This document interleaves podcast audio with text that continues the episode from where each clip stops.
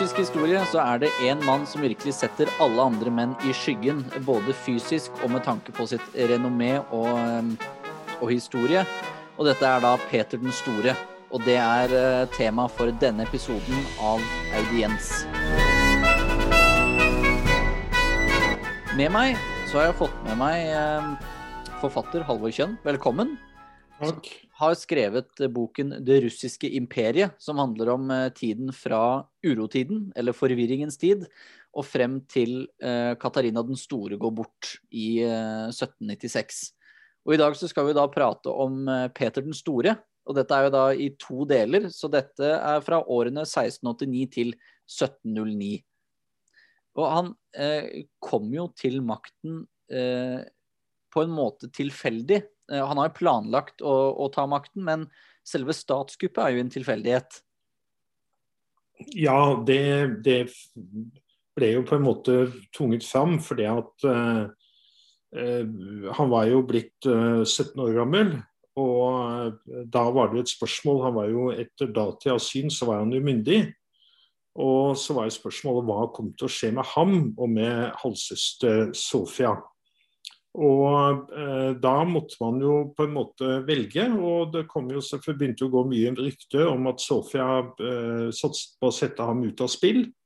Eh, og i Peters eh, omgivelser så tok man jo dette alvorlig. Og så satte man i gang det man oppfattet som et motkupp. Om Sofia egentlig planla et kupp eller ikke, det vet vi ikke helt. Det er høyst uh, uklart. Men i hvert fall eh, så igangsatte Peter hans folk et eh, kupp og fikk fjernet Sofia fra eh, Kreml og stengte henne inne i Novodevitsj-klosteret, som den gang lå i utkanten av Moskva, men som i dag selvfølgelig ligger nesten midt inne i byen.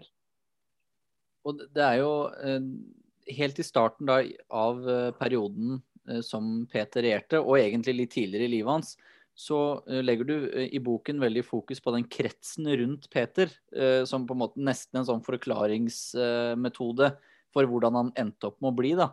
For han, han omga seg jo ikke med eh, russiske konservative aristokrater.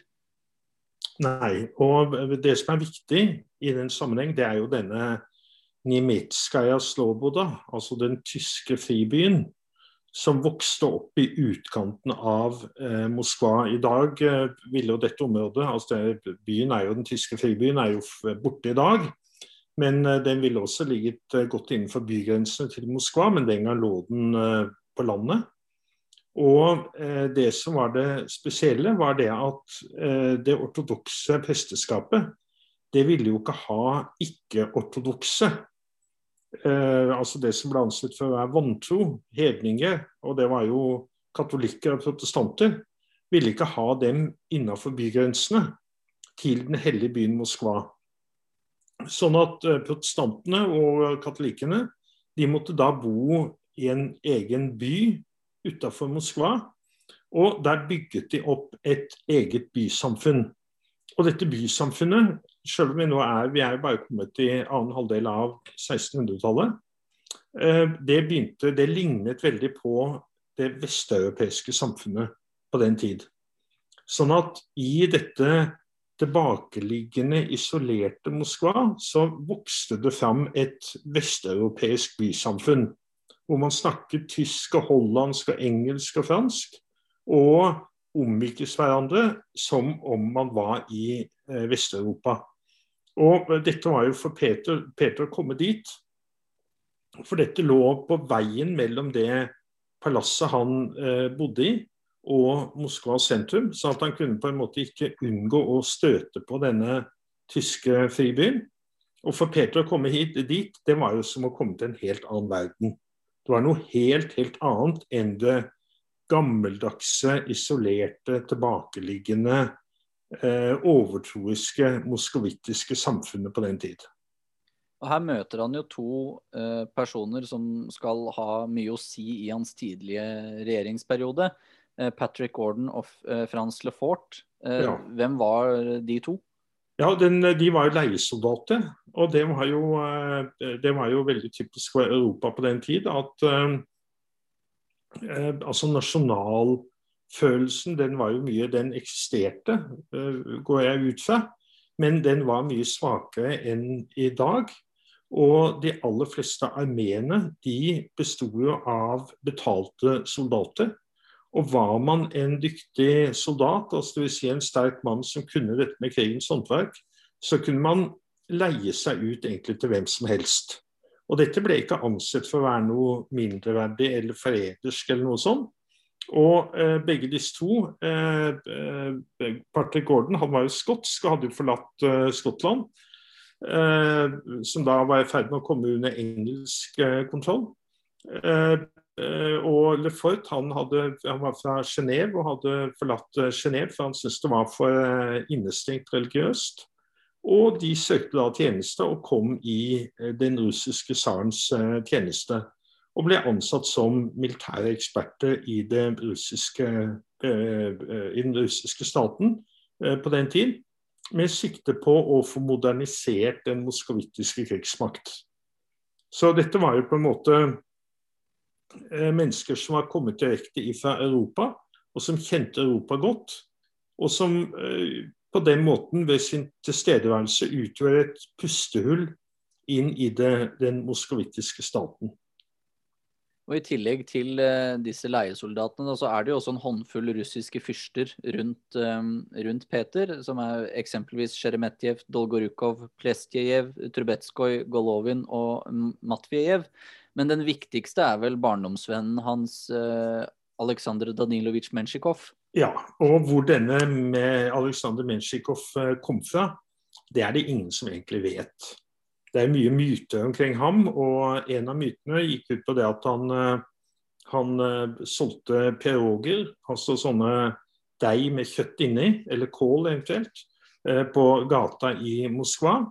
Og så kom han inn litt etter litt i kretsen til Peter, og blir Peters nærmeste ja, følgesvenn i livet. og følger ham gjennom hele livet, helt til Peter dør i 1725. Og denne Aleksandr Mensjikov han eh, kom da som sagt fra null og niks og blir den aller eh, øverste aristokrat i det russiske imperium eh, nest etter tsaren, etter hvert. Og med disse vennene da, så former eller grunnlegger Peter det som blir en drikkeklubb som da ble kalt for Det glade kompani, og senere omdøpt til Den spøkefulle, forfyllede synode av narrer og fjols. Ja. Og hva, og det, hva, var dette for noe? ja, altså dette, dette er jo ganske besynderlig. For det at uh, altså Peter var jo, uh, som de aller fleste i Russland, både den gang og i dag, så var han jo veldig glad i alkohol. Og, eh, og, det ble jo arrangert feste fester i, dette, i denne kretsen. Eh, hvor man eh, drakk uhorvelige mengder med alkohol. Man gikk på fylla i dagevis. Og man latterliggjorde det aller meste, inkludert også den ortodokse kirka. Og dette falt jo selvfølgelig veldig mange tungt for brystet. Eh, av Peter samtidig, og Peter ble jo faktisk mistenkt for ikke å være en ortodoks eh, kristen. Eh, han, han, var det, men det er klart disse, disse parodiene og harselasene som han drev med i ungdommen, det var jo noe som veldig mange ikke likte. Men Peter var jo fra tiårsalderen så var han jo formelt sett, da, selv om eh, han ikke styrte fra da av, så var han jo tsar over det russiske riket og kunne jo gjøre som han ville. Eh, så noe som overhodet ikke ville blitt tolerert fra en vanlig borger, det ble tolerert, for det var jo tsaren som sto bak det. Og han, han, eh, han drev jo gjøn også med statsapparatet. For det var vel ofte at han sto som en offiser bak en av sine venner da som spilte tsaren. Ja, det, altså Peter hadde et veldig spesielt karaktertrekk, nemlig at han eh, veldig ofte eh, sjøl Han eh, stilte seg ikke i topposisjonen. F.eks. i eh, armeen så hadde han en underordnet posisjon, men han utnevnte den som skulle lede armeen. Eh, og etter hvert som Peter skaffet seg mer og mer erfaring, så avanserte han sjøl. Men han hadde da en, eh, en av disse aristokratiske vennene sine eh, som spilte tsar. Romodanovskij het han. Og, og i brevene fra Peter så ble han alltid Da benevner Peter ham alltid som deres høyvelbårne tsar og hersker. Og undertegner da, sånn som undersåtten gjorde i det russiske riket på den tid, din lydige slave Peter. Og dette er jo ganske, ganske bisart og ganske pussig. Men, men Peter hadde nok en form for, så utrolig det høres ut, en form for personlig sjenanse. Og dette gjorde det at han ikke alltid måtte stå i første rekke. Altså Han hadde noen som kunne spille tsaren, og som kunne, uh, kunne uh, være et ansikt utad, mens han sjøl satt i bakgrunnen. Men alle visste jo det at det var Peter som styrte. Det var han som hadde makta, og han lot jo eh, alle vite at han hadde makt, og han styrte alltid med hår hånd. Men han lot disse vennene sine Eh, være på en måte utenkskilt for hans eget regime. Og Han klarte jo ikke akkurat å skjule seg i mengden heller, for mannen var jo to meter og tre centimeter. Ja, og det var jo høyst uvanlig på den tid. Det, noe, det var jo noe, noe uvanlig med kroppsformen hans. Han var jo litt uproporsjonal, eh, med veldig lange bein, stor overkropp og et ganske lite hode. Eh, sånn at eh, han ville jo vakt eh, oppsikten dag i dag om han kom gående. og Menn over to meter det er ikke så veldig vanlig, sjøl ikke i vår tid. Og i en, i en, periode, i en tid da en kan tenke seg det at den vanlige mann eh, sjelden var over 1,70 høy, og en vanlig kvinne var kanskje 1,55, kanskje 1,55-60, så raget han altså eh, en tredjedels meter over alle andre. Altså en fot. Eh, og, og dette, dette, var jo med på å gi ham denne, eh, denne posisjonen som denne eh, overmektige skikkelsen som styrte landet med hard hånd. Og han skulle nettopp bli det til slutt, en overmektig skikkelse. Og den rollen han etter hvert spiller i europeisk politikk, begynner jo i det små ved Plesjejeva-sjøen. Håper jeg uttalte det riktig. Plesjejev. Plesjejevsjøen. Ja. For der tar han da i og tar grep om båtbygging. Ja, og dette med, med båtbygging og dette med seilas på havet, det var jo hans lidenskap. Og hvor det egentlig kom fra, det er ikke så lett å si, men han i tidlig ungdom så fant han da en båt eh, like ved den lille elva Javsa, som er sideelv til eh, Moskvaelva, som renner ut i Moskvaelva like ved Kreml. Man kan se den dag i dag. Og eh, han finner da en eh, båt eh, i et bortgjemt eh, skue og den båten blir satt seil på, og den blir reparert. og Han seiler da ut på, eh, på Javsa-elva. Eh, og, og, dette er på en måte en sånn åpenbaring for ham, dette med å, dette med å seile og dette med å være til, ute på vannet. Og så eh, finner han eh, etter hvert denne Plesjevsjøen, eh, som eh, man kan da besøke den dag i dag. Den ligger like ved en by som heter Pjerislav Zaleski. Og Der kan man også se den dag i dag en av båtene som Peter faktisk bygde. Og et, et, et brev fra Peter hvor, det, hvor, han har skrevet det at han har hørt at befolkningen i Pereslav Zaleski ikke har tatt vare på båten hans. Og han befaler at den båten skal tas vare på og stilles ut sånn at alle kan se den. Og det kan man faktisk en dag i dag kan man se en av de aller første båtene som Peter bygde. Og, og dette, med, dette, med, å lære seg dette faget båtbygging, det blir jo, det blir jo en lidenskap for ham. Og, og flere somre så tilbringer han ved Plesjevsjøen fra isen eh, gikk. Den gang gikk isen først ut i, ut i april-mai. Og den kom jo tidlig på høsten, men hele den perioden så er han da ved Plesjevsjøen og lærer seg å bygge skip. Og dette må man huske på. For datidens mennesker i det moskavittiske riket så var dette helt uvanlig. Fordi at dette var, et, dette var jo et landbasert folk. De aller fleste i Russland de hadde jo aldri sett havet. Og de hadde heller ikke noe ønske om å se havet. Og plutselig så kommer det en eh, hersker som er lidenskapelig opptatt av dette med hav og vann og skip. Og jeg pleier å si det at det hadde vært som om Erna Solberg hadde holdt en tale til oss nordmenn. Og så hadde han sagt det at Norges eh, framtid, det er på månen. altså, altså dette, var, dette, var et, dette, var, noe helt absurd som denne unge tsaren kom med. At uh, Russland måtte bli en sjøfartsnasjon. Og deretter, eh, seks år inn i regjeringstiden hans, så kom jo et av eh, hva skal si, merke, merkedagene, merkehendelsene. Og det er da krigen mot, uh, mot Osmanske riket i 1695.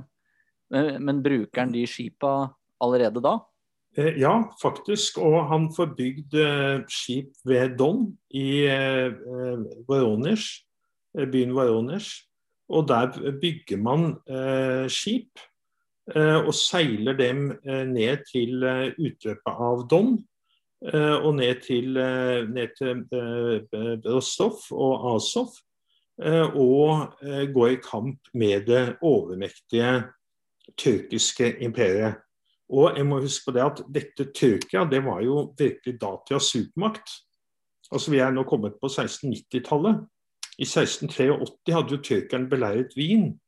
Og tyrkerne var i ferd med å knuse det østerrikske imperiet. Og Østerrike var jo selve keiserstaten i Europa. Det var den tysk-romerske keiseren. Og eh, Wien hadde vært eh, omringet av tyrkerne i eh, lang tid. Eh, og eh, eh, tyrkerne ble med nød og neppe slått. Og Så kommer vi ut på 1690-tallet, og Peter gir seg i kast med dette tyrkiske imperiet. Og vinner faktisk en krig mot tyrkerne. Og deretter så skal han jo da ut på, på, en liten tur, for å si det sånn, som han erklærer i desember 1696. Som da har blitt kalt for Den store ambassaden. Ja, og denne ambassaden er jo, eh, den er jo også helt enestående. For det at siden middelalderen så var det jo ingen russisk hersker som hadde forlatt Russland. Eh, alle hadde jo befunnet seg i hjemlandet. Eh, ingen hadde vært til sjøs, og ingen hadde heller forlatt landet. og så kommer da denne unge herskeren og sier det at nå skal ta, nå skal jeg da til Europa. Og jeg skal sette meg inn i hva europeerne holder på med, og lære av dem. Og det var jo, det var jo like revolusjonerende som det og dette med å begynne å bygge skip. Men eh, Peter var jo offisielt ikke med på reisen? Nei, han, eh, han eh, Og her kommer igjen det at um, muligens han, hadde han denne sjenansen, men, men det var også det at formålet med denne såkalte ambassaden det var å suge lærdom av europeerne. Og hvis Peter da skulle dra dit i egenskap av eh, over Russland, så ville jo veldig mye av tida gå med til mottakelse på det kongelige slott og hos de ulike herskerne. Eh, ved å reise inkognito så unngikk han veldig mye av dette seremonielle. Og kunne da bare holde på med det han eh, ville. Og det var jo først og fremst å lære å bygge skip. Og det er jo ikke bare Peter som eh, reiser ut, selvfølgelig. For han sender jo da mange adelsmenn ut i Europa for at de skal kunne ta til seg vestlig vitenskap, som de da kan ta med hjem igjen til Russland. Ja, og, og dette var jo uhørt. Fordi at Jeg må jo huske på det at russerne de var jo ortodokse. De var jo de rett troende. Alle andre var de vantro. Og så plutselig kommer det en eh, mann som styrer staten og sier at nå skal vi lære av de vantro. Eh, det er ikke alt vi gjør her hos oss som, er, eh, som har toppstandard. Vi skal begynne å lære av dem. Og det, eh, det var også noe helt fullstendig uhørt. Og dette var noe han måtte selge inn, ikke minst i det ortodokse kirkelige hierarkiet, også blant de toppfolkene i den ortodokse kirka.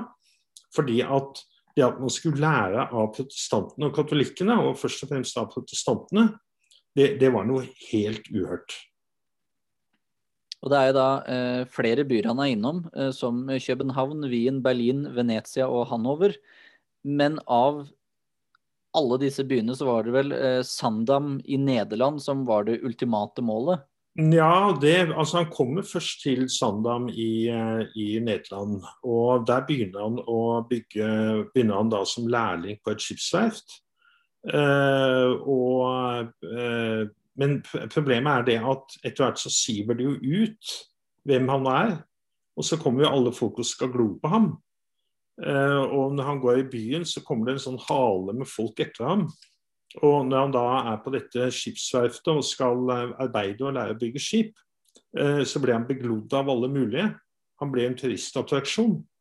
Så etter nokså kort tid i Sandam så drar han til Amsterdam, og derfra drar han til England. Fordi at han var ikke helt fornøyd med måten nederlenderne bygget skip på. Fordi at Nederlenderne de bygget veldig mye skip etter erfarings- og innfallsmetoden. De hadde ikke tegninger når de bygget skip. Og eh, Peter fikk, da, eh, fikk, det for seg at eh, engelskmennene de var mer, mer, systematiske når de bygget skip. Og Så han drar da til eh, England eh, og oppholder seg ganske lenge i England. og Der lærer han da den aller ypperste skipsbyggingkunsten i hele verden.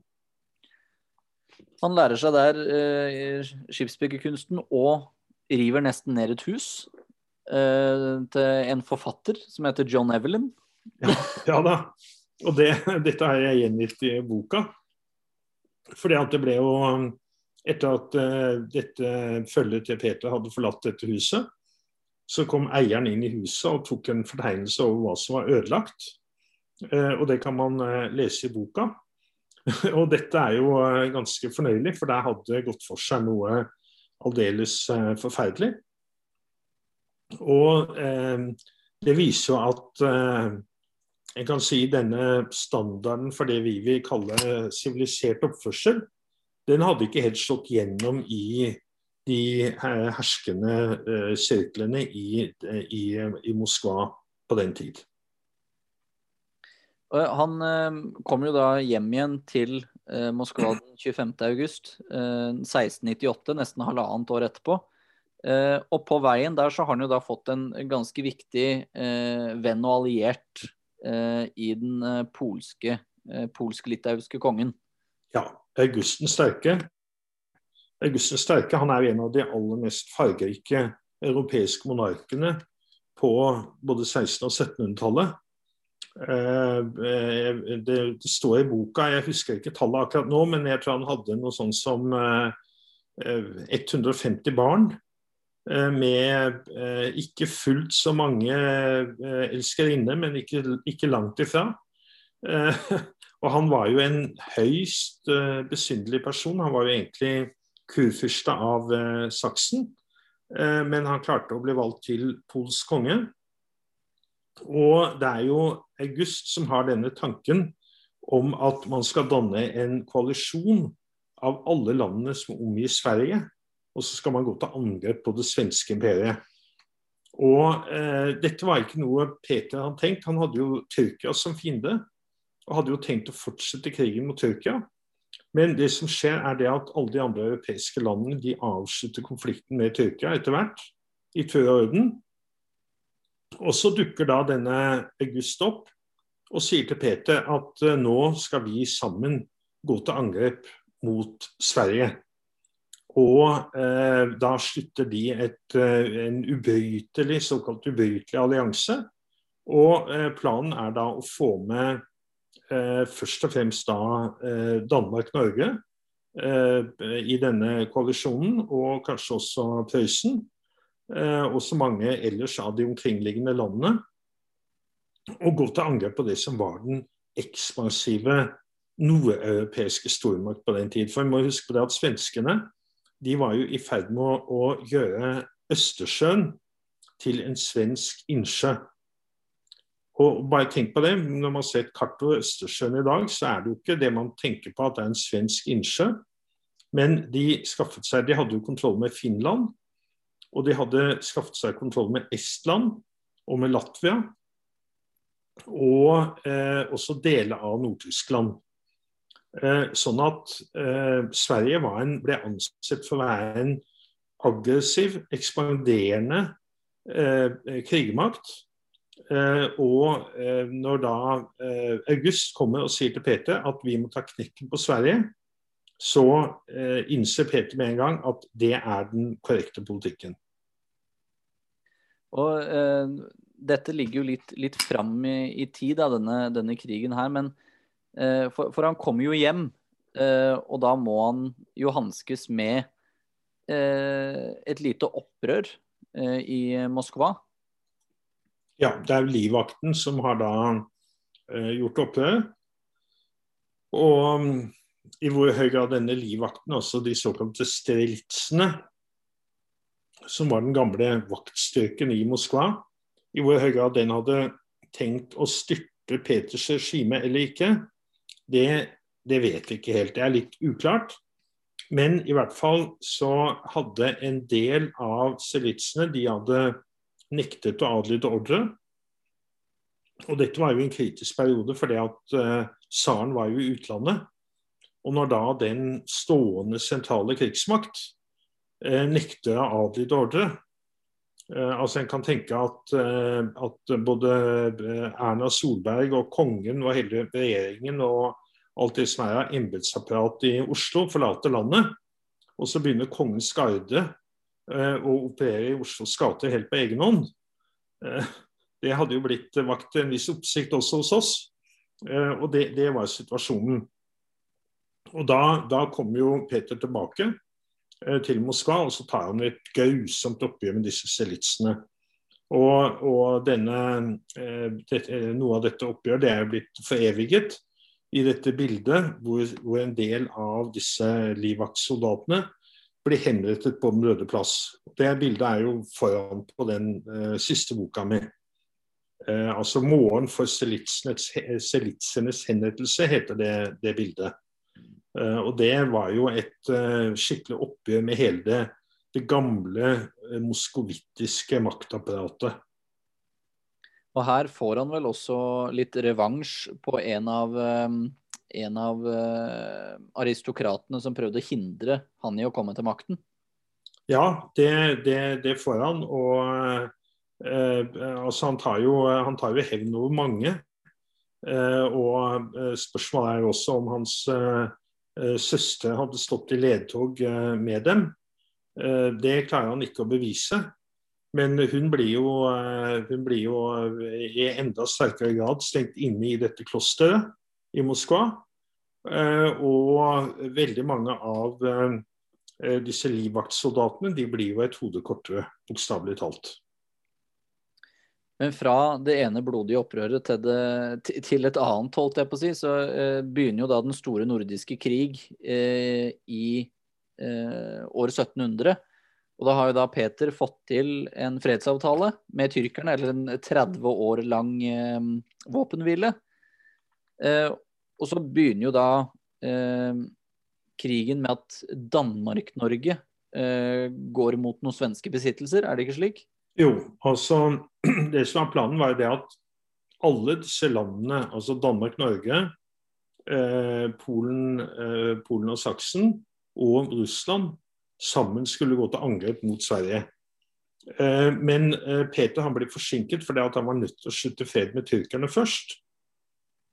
Og eh, første del av krigen det utfolder, utfolder seg da mellom Danmark-Norge og Sverige.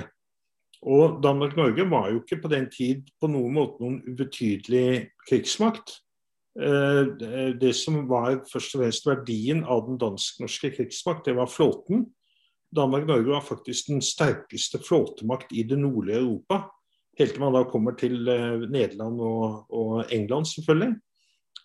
Men bortsett etter de to landene, så var Danmark-Norge den sterkeste sjømakt. Men Karl 12. Han er jo da akkurat kommet eh, til makta i Sverige. Eh, han er en ung og ambisiøs eh, mann, 18 år gammel.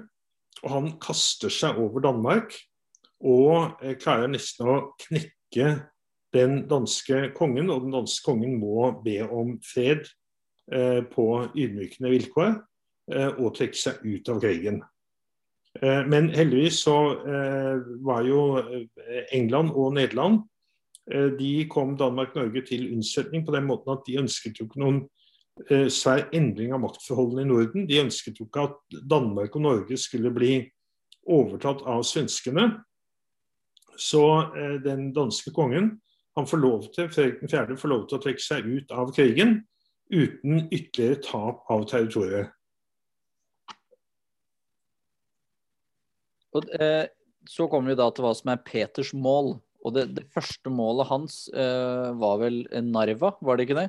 Jo, altså eh, Peters eh, mål det var jo å eh, knekke det, det eh, svenske østersveldet.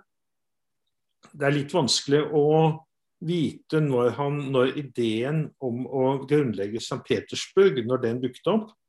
Men i første omgang så går han til angrep på den svenske byen eh, Narva. Eh, på, ved, eh, i Estland, altså den ligger jo i dagens eh, Estland, og beleirer byen. Og det som da skjer, er det at Karl 12. han har slått både Danmark-Norge Danmark og Polen, og Augustens sterke av Polen. Og plutselig så dukker Karl 12. opp.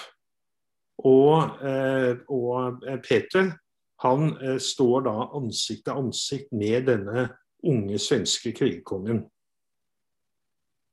Du eh, nevner jo eh, eh, så vidt St. Petersburg. Når var det han fikk grunnlagt den byen? Ja, det var jo, det, altså Sjagom Narva det fant jo sted i 1700. Og det ender jo med et dundrende nederlag. For der dukker jo Karl 12. opp. Og Peter han må jo flykte med halen mellom beina bokstavelig talt. Men eh, armeen hans lider jo et dundrende nederlag eh, ved Narva. Eh, men det som da skjer, er det at istedenfor at Carl forfølger den seieren, så går jo Karl 12. han går jo mot sør, mot Polen. For endelig å ta knekken på Polen og for å ta knekken på, Karl, for å ta knekken på Augusten sterke. Og dermed så selv om Peter da har lidd et veldig nederlag ved Narva, så forsvinner den svenske hæren. Og vi må huske på det at den svenske hæren på den tid, det var den absolutt beste armeen i hele Europa. Det var en profesjonell armé, profesjonell til fingerspissene. Fantastisk gode offiserer, fantastisk god utrustning. Eh, og denne armeen knuser den russiske hæren ved Narva eh, i 1700 og så forsvinner den. Og det er jo det spesielle. Og Da kan man jo begynne å tenke kontrafaktisk. Hva hadde skjedd hvis eh, Karl 12.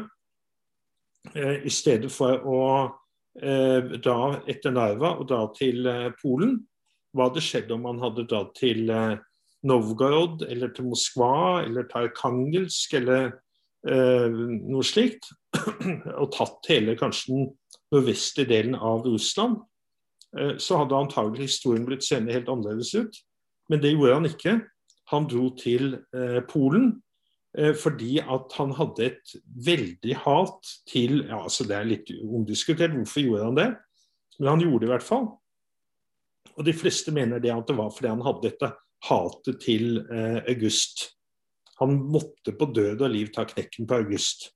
Så istedenfor å ta knekken på Petter den store, så vender han seg mot August av eh, Saksen og Polen for å knekke ham og for å avsette ham som polsk konge. Og det får han vel eh, til i, i, første omgang? Ja, i første omgang får han til det, men, eh, men August han, han, lar seg jo ikke vippe av pinnen. Da. Så han, han, er jo en politisk overlever, så selv om han da i lang tid har hele den svenske krigsmakt mot seg, så klarer da August på en eller annen måte å overleve. Dette er en ganske innfløkt og dramatisk historie. Men det som er, det som er hovedsaken, er det at fra mellom slaget på Narva, ved Narva og 1708 så har Peter en åtte år lang eh, pause hvor han ikke blir angrepet av Karl 12. Og Karl 12. han Vi må tenke oss hvis vi i dag ser for oss en kombinasjon av eh, eh, Napoleon og Adolf Hitler og ja, i det hele tatt alle mulige eh, du kan si, eh, militære ledere gjennom tidene. Eh, Djengis Khan osv. osv. Karl 12. var en, en, sånn, en sånn, figur. Eh, altså Han ble ansett for å være eh, fullstendig overlegen i felt. Han ble ansett for å være usårbar. At kulene beit ikke på ham. Og eh, samtidig mente det at hvis Karl 12. dukket opp i et slag, så kunne alle andre de kunne bare dra hjem. Da, da hadde den svenske hæren sikret seieren. Så eh, ryktet til Karl 12. det var helt enormt. Men eh, Peter han unngår det. Han slipper å møte ham i, eh, i lang tid. Fordi at eh, Karl bestemmer seg for å ta knikken på August eh, og dra til Polen. Og Polen var på den tiden et ganske kaotisk land, og dette viser seg å ta veldig lang tid. Eh, men dette ryktet til, eh, til Karl 12. slår jo da sprekker i 1709. Ja.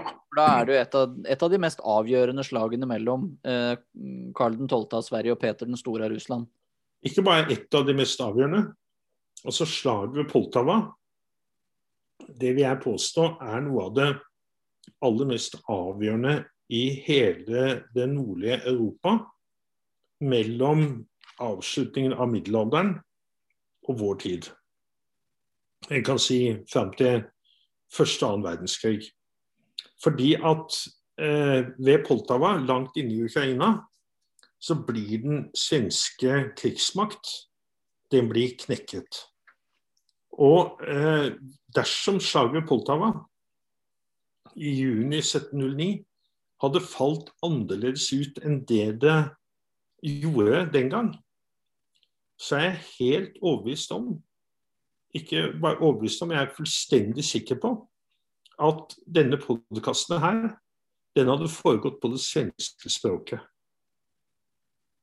Og tenk på det. Altså hele Nordens utseende, hvordan Norden kom til å bli i alle årene etterpå, det ble bestemt av det slaget. Og den svenske Eh, krigsmakt, den ble knekket ved Poltava langt, langt, langt inne i Ukraina. Og hvordan Karl 12., og hvorfor Karl 12. havnet i, langt inne i Ukraina og møtte sin skjebne ved Poltava, altså øst for Nepe, som i dag til og med jo, ligger jo veldig langt av sted. De, de færreste har vært ved Poltava, selv om jeg, altså, jeg er godt kjent i Ukraina, men Poltava ligger jo litt avsides til den dag i dag. Og, og, og der havnet altså Karl 12. med den svenske hæren. Og tenk på det, det hadde vært omtrent som i dag om vi hadde hatt den, den norske hæren hadde, hadde, holdt på nede i ja, Indokina eller i Burma eller et eller annet sånt sted, eh, til fots. Eh, altså, dette var en fullstendig absurd situasjon. Men eh, Karl 12. han var da så sikker på at han kunne knuse alle, at han ledet den svenske armeen dypt, dypt, dypt inn i Ukraina. Og Dette er en vanvittig dramatisk historie, ved siden av at vinteren 1708 og 1709, altså den vinteren 08-09, det var en av de aller kaldeste vintrene i manns minne. Og det var så kaldt at vinen i glassene i Versailles altså Tenk på det, i Frankrike. Mens vinen, vinen var helt oppi glassene i Versailles, så føys vinen til is. Så kaldt var det vinteren 1709. Og dette var over hele Europa. Eh, og eh, Karl 12. overlevde da med nød og neppe denne kalde vinteren nede i Ukraina. Og så kommer våren eh, 1709, og dette, dette generaloppgjøret mellom ham og Peter som ender med en total svensk katastrofe. Og ved dette avgjørende slaget eh, så blir det, det, den avsluttende delen av eh, denne episoden av Audiens. Tusen takk for at eh, du var med, Halvard Kjønn. Tusen takk. Og til alle våre lyttere så vil jeg bare anbefale dere, at, an, anbefale dere om å kjøpe Halvor Kjønns bok 'Det russiske imperiet' hvis dere syns noe av dette var interessant. Vi lyttes.